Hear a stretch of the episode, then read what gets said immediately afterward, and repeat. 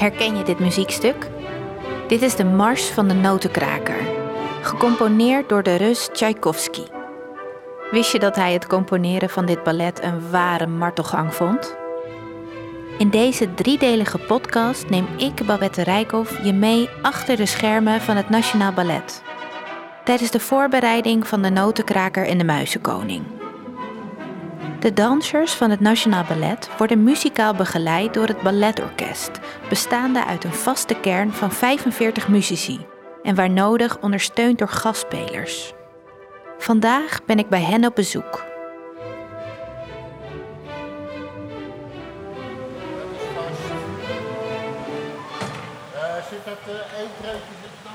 Nou, we zijn nu in de orkestbak. Ja, nu wordt dus hier uh, opgebouwd. Het is zondagochtend 11 uur. Overal staan grote koffers waar instrumenten uit worden gehaald. Er wordt gesleept met stoelen, verhogingen en lessenaars. Ik loop onwijs in de weg hier. Ja, goedemorgen. Voor mij Oké. Okay. Dit is David Eilander. Hij is de orkestmanager van het balletorkest. Ik geef s ochtends even door of er nog mensen ziek zijn. Dan weten ze bijvoorbeeld dat er uh, eentje minder bij, uh, bij een strijkersgroep soms meedoet. Het kan ook zijn dat, nou ja, dat er een vervanger komt die op een andere stoel moet zitten, hoog of een lage stoel. De verbouwing die nu aan de gang is, gebeurt doorgaans een paar keer per week. Soms kan het blijven staan. Dan spelen we bijvoorbeeld twee dagen achter elkaar. Maar vaak is het ook zo dat uh, er een opera is. Dus dan spelen wij de ene avond uh, hier een ballet. En de volgende avond komt er een opera in met een ander orkest. Dus dan gaan al, al onze spullen eruit. En dan moet het de volgende keer weer allemaal opgebouwd worden.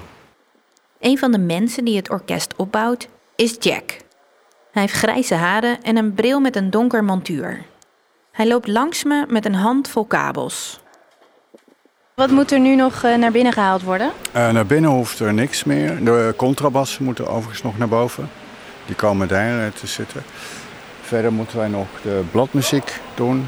De lampjes aansluiten van alle lessenaars. Dus er komen heel wat kabeltjes te liggen. En even fine-tunen, kijken of het allemaal goed staat. En terwijl Jack en zijn collega's bezig zijn met de laatste dingen, komt er een kleine blonde vrouw binnen. Dit is Jet en zij speelt de harp in het orkest. Hi. Bonjour Jacques. Bonjour, Jet. Ça va Ça va, ça va bien, oui. Oké, oké, très bien. Ah, bon. De laatste Matahari, dus uh, elke bladzijde die ik nu omsla, die is voor de eeuwigheid misschien, ja. Zoveel seizoenen hoef ik ook niet meer te spelen, dus het kan best zijn dat ik het nooit weer speel. Jet speelt namelijk al 55 jaar, waarvan 29 jaar bij het balletorkest. In het begin was het allemaal veel, uh, hoe moet ik dat nou eens netjes zeggen, rommeliger en gezellig. En, maar er gingen ook, werden ook grapjes gemaakt, uh, talkpoeien op de pauken en uh, dat soort dingen. Maar we doen het eigenlijk niet meer hoor, nu. Terwijl Jet vertelt over vroeger, lopen we door de gang naar de orkestbak. Dit zijn harpkisten. Een soort vakantiehuisjes en dat. en, en je hoeft zelf niet die harp erin te rijden, hè? Ik hoef niks te doen. Het is zo luxe, echt. Uh, daar hebben we de mensen voor die uh, daar speciaal voor zijn. Die zetten alles neer. Dus ik kom aan en het staat er gewoon. Super deluxe. Het enige wat Jet moet doen, is het stemmen van haar harp. Dus uh, ik heb 47 snaren. Lange zijn de laagste, de korte zijn de hoogste. En ik moet dus alle 47 snaren uh, stemmen. En in een notenkraker zit één pauze, stem ik in de pauze weer bij. In zwanemeer zitten twee pauzes, stem ik twee keer bij. Zodra het publiek komt, gaan die snaren, natuurlijk toch allemaal een natuurlijk materiaal, dan gaat allemaal werken. Dus de ene dag is het ook, als het weer verandert, dan merk ik het meteen. Kom ik hier, hier binnen en dan denk ik, oh ja, het is weer zover. Dan is hij veel te hoog of veel te laag, of de airco heeft aangezet. Dus, dus het is heel... En als je speelt, trek je natuurlijk aan die snaar ook. Dus dan is het goed om in de pauze even na te gaan of het allemaal nog klopt. Dus uh, ja, dit is wel een gedoe hoor, bij een. Voordat Jet gaat stemmen, is eerst de piano aan de beurt. Is die bijna klaar is ook zo te horen, maar... Dat hoor je? Nou, hij gaat omhoog, dus dan... Uh, nou, hij moet ook zijn tijd krijgen. Weet je, iedereen moet zijn ding kunnen doen, hè? Zijn voorbereiding. En dit is niet de speler, denk ik. Nee, nee. Dus de speler heeft het voordeel dat zijn piano gestemd is. Wij moeten het zelf doen. Ja, waarom, eh, waarom heb jij niet iemand? Ja, dat zou ik best willen. Personeel. dat zou ik best willen. Ja. Of is dat niet handig?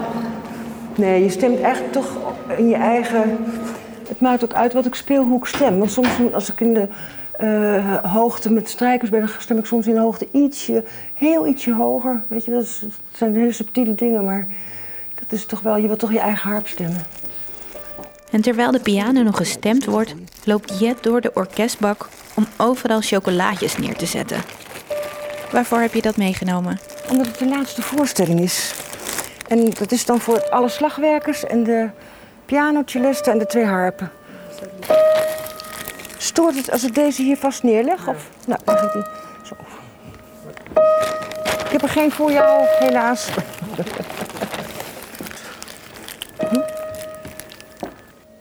Ondertussen schuift Jet de hoesen van de harpen naar de zijkant van het podium. En ze pakt een tasje tevoorschijn. Die leg ik dan zo daar. Het is een tasje met reservesnaren. Als er eentje knapt, dan moeten we hem kunnen opzetten. Want waar zijn snaren van gemaakt? Schapendarm. En dat gebeurt je dus ook wel eens, dat het... Ja, dan moet je afkloppen, want dat is heel vervelend. Dat is niet fijn. En dan is het tijd voor Jet om haar harp te stemmen. Ja. Het is een beetje een oud stemapparaat uit de jaren 70. Retro. Maar hij is heel fijn.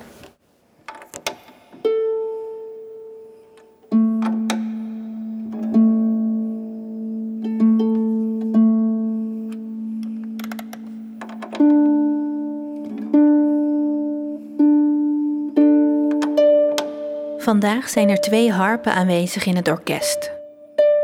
Die van haar collega naast haar is van hout. En de harp die Jet nu stemt is van goud met bloemen en grote ornamenten. Zo, klaar. dat heb je best snel gedaan. Ja. Ik zeg tegen Jet dat ik onder de indruk ben. Ja. Vind ik, maar... Ja, eh, ik ja, niet, want nee, ik- ja, dat is gewoon mijn, mijn, eh, mijn dagelijkse ding, ja. Ja, deze is met goud en... Ja. eh, Ja, ja, eerlijk gezegd, ja, het is wel bladgoud. Maar om te zien interesseert me helemaal niks, want ik vind hem helemaal niet mooi om te zien. Maar het gaat natuurlijk uiteindelijk toch om, het, om de klank. Ja, En eh, ehm, nou, vanavond, laatste voorstelling van Mata Hari. klopt. En, Ja. en dan mag je binnenkort de notenkraker gaan spelen. Ja. Zal ik een stukje cadens laten horen? Weet niet of ik hem uit mijn hoofd kan. Ik weet niet eens of ik mijn tas heb. Ik zet de muziek maar even neer. Dus- Zo. Ik zou hem uit mijn hoofd moeten kunnen hoor, eerlijk gezegd. Na 150 keer.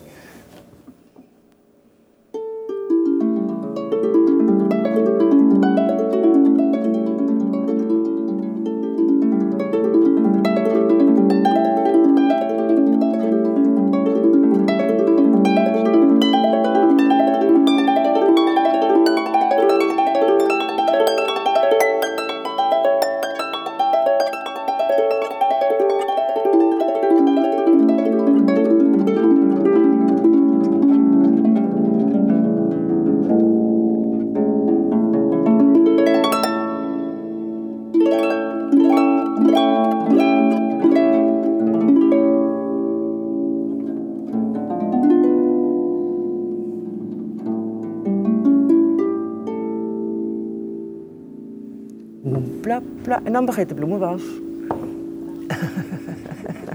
En ehm, heb je dan ook een beetje gezonde wedstrijdspanning?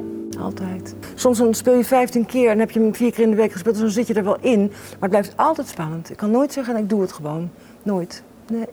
Want het rare is, wij zitten in de orkestbak. Wij zien de dans niet. Dus we hebben geen idee. Of geen idee, dat is natuurlijk onzin. Maar we weten niet eh, op dat moment wat er gebeurt. En daar is natuurlijk de dirigent de schakel. Want die ziet allebei. Het kan soms heel subtiel zijn hoor. Want na de bloemenwals krijg je de grand pas de deux in de, in de notenkraker. En daar kan ik soms merken aan de timing wie er danst. Want er zijn altijd een aantal koppels, de, de, de prima ballerina's en de, de- er zijn altijd duo's. En er zijn vaak vijf of zes voor al die vijftien voorstellingen. En soms, het is, ik kan het bijna niet uitleggen, want het is heel subtiel. Maar weet ik wie er danst door mijn timing. En dat is, gaat natuurlijk via een dirigent. Je hoort niet de voetstappen, of wel? Nee, Nee, hier niet meer. Vroeger wel. Vroeger zaten we in de Schouwburg en dan hoorde je echt boem, boem, boem, boem. Hier eigenlijk niet meer. En ondanks dat Jet studeert op haar partijen, gebeurt het natuurlijk wel eens dat er iets misgaat. Foute noten, een snaar die breekt, uh, je zet verkeerd in, je weet even niet waar het is, je hebt een blackout, alles kan misgaan. Ja, de wereld vergaat dan niet, maar het is voor jezelf heel vervelend. En je wil natuurlijk toch het beste resultaat. Dus uh, ja, ja. Zie je, het is nu ongeveer één uur, dan beginnen de komende collega's ook, uh, ja. Dat is het leuke van een orkest. Iedereen heeft zo zijn eigen klankkleur. En als je dat allemaal bij elkaar brengt, dan krijg je een hele mooie notenkraker. Bijvoorbeeld. Ja.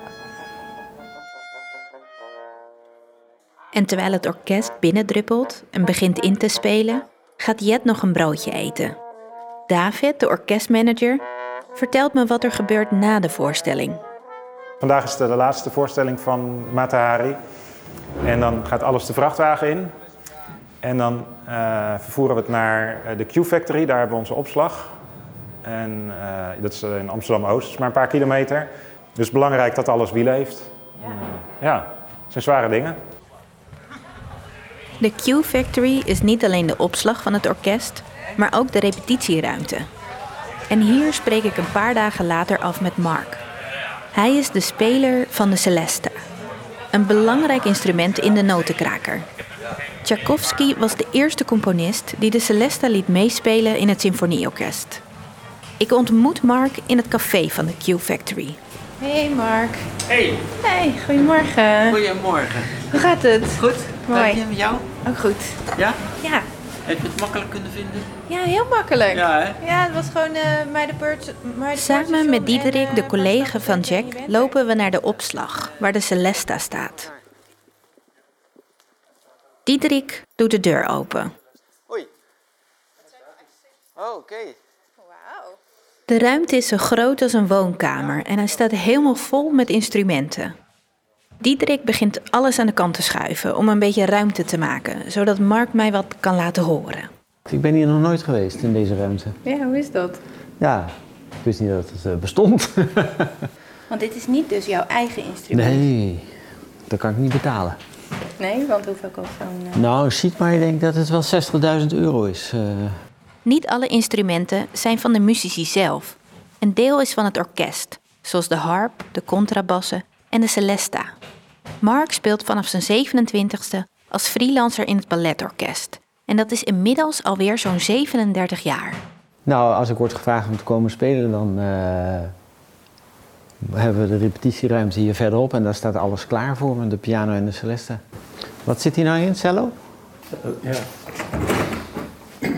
En Arthur was de cello gisteren kwijt. Hij speelt daar nog. Maar er was een misverstand. Dus, zijn, dus Jack is hier met de taxi heen gegaan, 20 minuten voor de repetitie. Oh, echt? Maar staat het zo.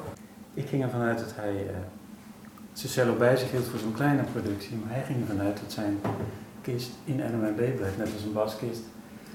Dus dat weten we dan voor de volgende keer. Ja. Maar een repetitie dus, geen uh, ja. voorstelling. Ja, die komen nog. Ja. lijkt me. Nou, ik had vorige week zondag kwam ik uit Rotterdam, hadden we smiddags een uh, voorstelling van Matahari.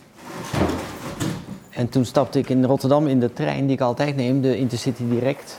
Ik meteen in 40 minuten naar Amsterdam.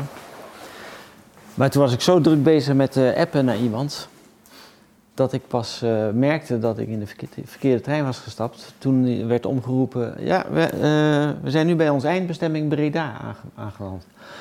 Dus ik zat helemaal in Breda, dus toen heb ik meteen David Eilander gebeld.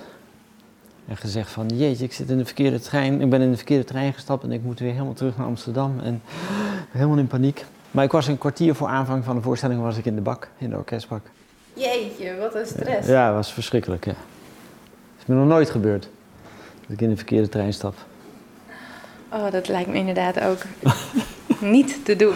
Want zonder mij zou die voorstelling niet door zijn gegaan, als ik er niet zou zijn geweest. Waarom? Nou, omdat die piano een heel belangrijke partij uh, was. Ja, want je, je speelt dus de Celesta in de notenkraker, maar je speelt in andere uh, voorstellingen de piano. Ja, ja of Celesta. Ook wel eens tegelijk? Ja, ook tegelijk. Dan moet je heel snel wisselen van, uh, Nou, dit is dan de Celeste.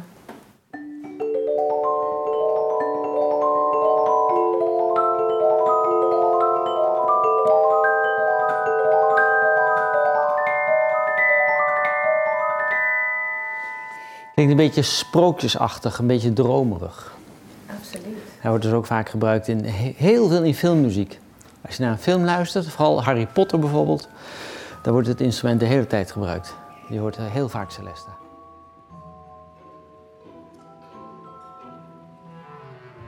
Mark begon op zijn negende met piano spelen. Hij werd verliefd op het instrument omdat hij zijn zus erop hoorde spelen. En dan lag ik in bed te luisteren en dan denk ik, jeetje wat mooi, dat wil ik ook kunnen. Dus toen eh, vroeg ik aan mijn moeder van mag ik op pianoles? En toen zei ze ja, tuurlijk, ga je ook maar op, pianoles. Maar na drie maanden vond ik het niet meer leuk, want ik begreep dat het niet zo makkelijk was als het klonk. en dat je moest oefenen iedere dag. En toen zei mijn moeder, nou je wil graag piano spelen, dan ga je gewoon door. En eh half uur per dag spelen. Dus ik zat soms huilend achter de piano. Maar nou ben ik ze heel dankbaar. ze zeggen dat dat niet goed is, maar ik geloof er niet in. Ik geloof dat je het gewoon... eh, kinderen moet dwingen een instrument te spelen, maakt niet uit welk instrument. Ze hoeven niet later een muzikus te worden, maar dat ze in ieder geval geconcentreerd een half uur per dag of twintig minuten per dag ergens mee bezig zijn wat moeilijk is. Waar ze zich op moeten concentreren. En eh, het is heel goed voor je ontwikkeling, voor je hersenontwikkeling sowieso. Maar ook muzikale ontwikkeling voor je gevoel en voor je coördinatie van handen en voeten en noten lezen. Dat is gewoon eh, heel, eh, heel goed voor je. Want jij hebt vijf kinderen. Ja! Wat heb je ze allemaal gedwongen voor eh, instrumenten? Ze, ze moesten tot hun veertiende allemaal pi- piano leren spelen en ik heb ze altijd les gegeven. En dat doe ik nog steeds met mijn tweeling van 11 en mijn dochter van 13. En die zoon van 20 die zit nu op het conservatorium in Amsterdam. Eh, die doet compositie en piano. Hij speelt heel goed piano ook. En hij vindt het heerlijk nu. Want hij wou ook niet. Hij zat ook te huilen. Ja, vaak wel. En die tweeling ook nog steeds vanochtend alweer, weet je wel. "Ah, ik wil geen piano spelen. Maar ze moeten gewoon, voordat ze naar school gaan, moeten ze piano spelen. maar maar zoals mijn zoon is me nu heel dankbaar hoor, dat zegt hij ook. Ik ben zo blij dat ik door, door moest gaan. Mark vertelt dat er op een gegeven moment een omslagpunt komt. Bij hem was dat op zijn dertiende, veertiende. En bij mijn zoon is dat ook op dat eh, punt gebeurd, 13, 14. Dat komt omdat je dan eh, dingen makkelijker aanleert. En beter noten kunt lezen en beter gaat spelen. En dan wordt het makkelijker ineens. En dan, en dan hoor je al die muziek die je fantastisch vindt. En dan wil je allemaal leren spelen gewoon. Nu de notenkraker in aantocht is, oefent hij de stukken elke dag. En Mark studeert niet alleen op de muziek, maar hij vindt het ook leuk om te lezen over het leven van de componisten waar hij de muziek van speelt. Prokofjev heb ik gelezen, Beethoven, Mozart, Schubert, eh, Stravinsky. Die eh, biografie heb ik allemaal gelezen. En wat zoek je daarin? Nou, hoe zo iemand leefde en eh, hoe die, waar de, de strijd. en Chopin's biografie heb ik gelezen natuurlijk. De strijd die ze voeren om een stuk goed te schrijven. En eh dat is veel geploeter. Schubert die had aan het einde van zijn leven het idee dat hij nog steeds niet go- goed kon componeren. Toen ging hij nog les nemen, een paar maanden voor zijn dood. Ongelooflijk. Ongelooflijk. Dat hij zoveel mooie muziek had geschreven. En Tchaikovsky weet ik, die eh, schreef zijn eerste symfonie en dat eh, heeft hij heel lang over gedaan. Daar had hij slapeloze nachten over.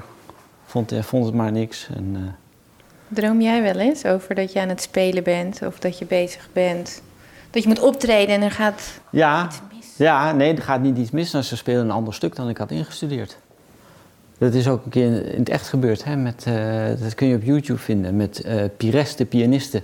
Die speelde met het Concertgebouworkest met Chailly op een lunchconcert. En Chailly begint het orkest te dirigeren. En zij zit zo van... Oh mijn god, dit is een ander pianoconcert van Mozart dan ik heb ingestudeerd. En Chailly die... Oh, maar je kunt het wel. Je hebt het vorig jaar ook nog gespeeld. Dus je kunt het vast wel, weet je wel. En dan gaat hij door met, eh, met dirigeren. En zij de hele tijd met de, met de handen voor de hoofd van... Oh mijn god. En het publiek zit in de zaal. En dan begint ze te spelen en dan krijg je tranen in je ogen hoe mooi ze het speelt. Maar helemaal van, oh, hoe ging het ook alweer, weet je wel. Je zit echt denken van, oh, wat moet ik ook alweer spelen? nou, dat is zo'n droom heb ik wel eens gehad, ja. Zeker. Of dat ik een trein mis, maar dat was in het echt. een verkeerde, in de verkeerde trein stap.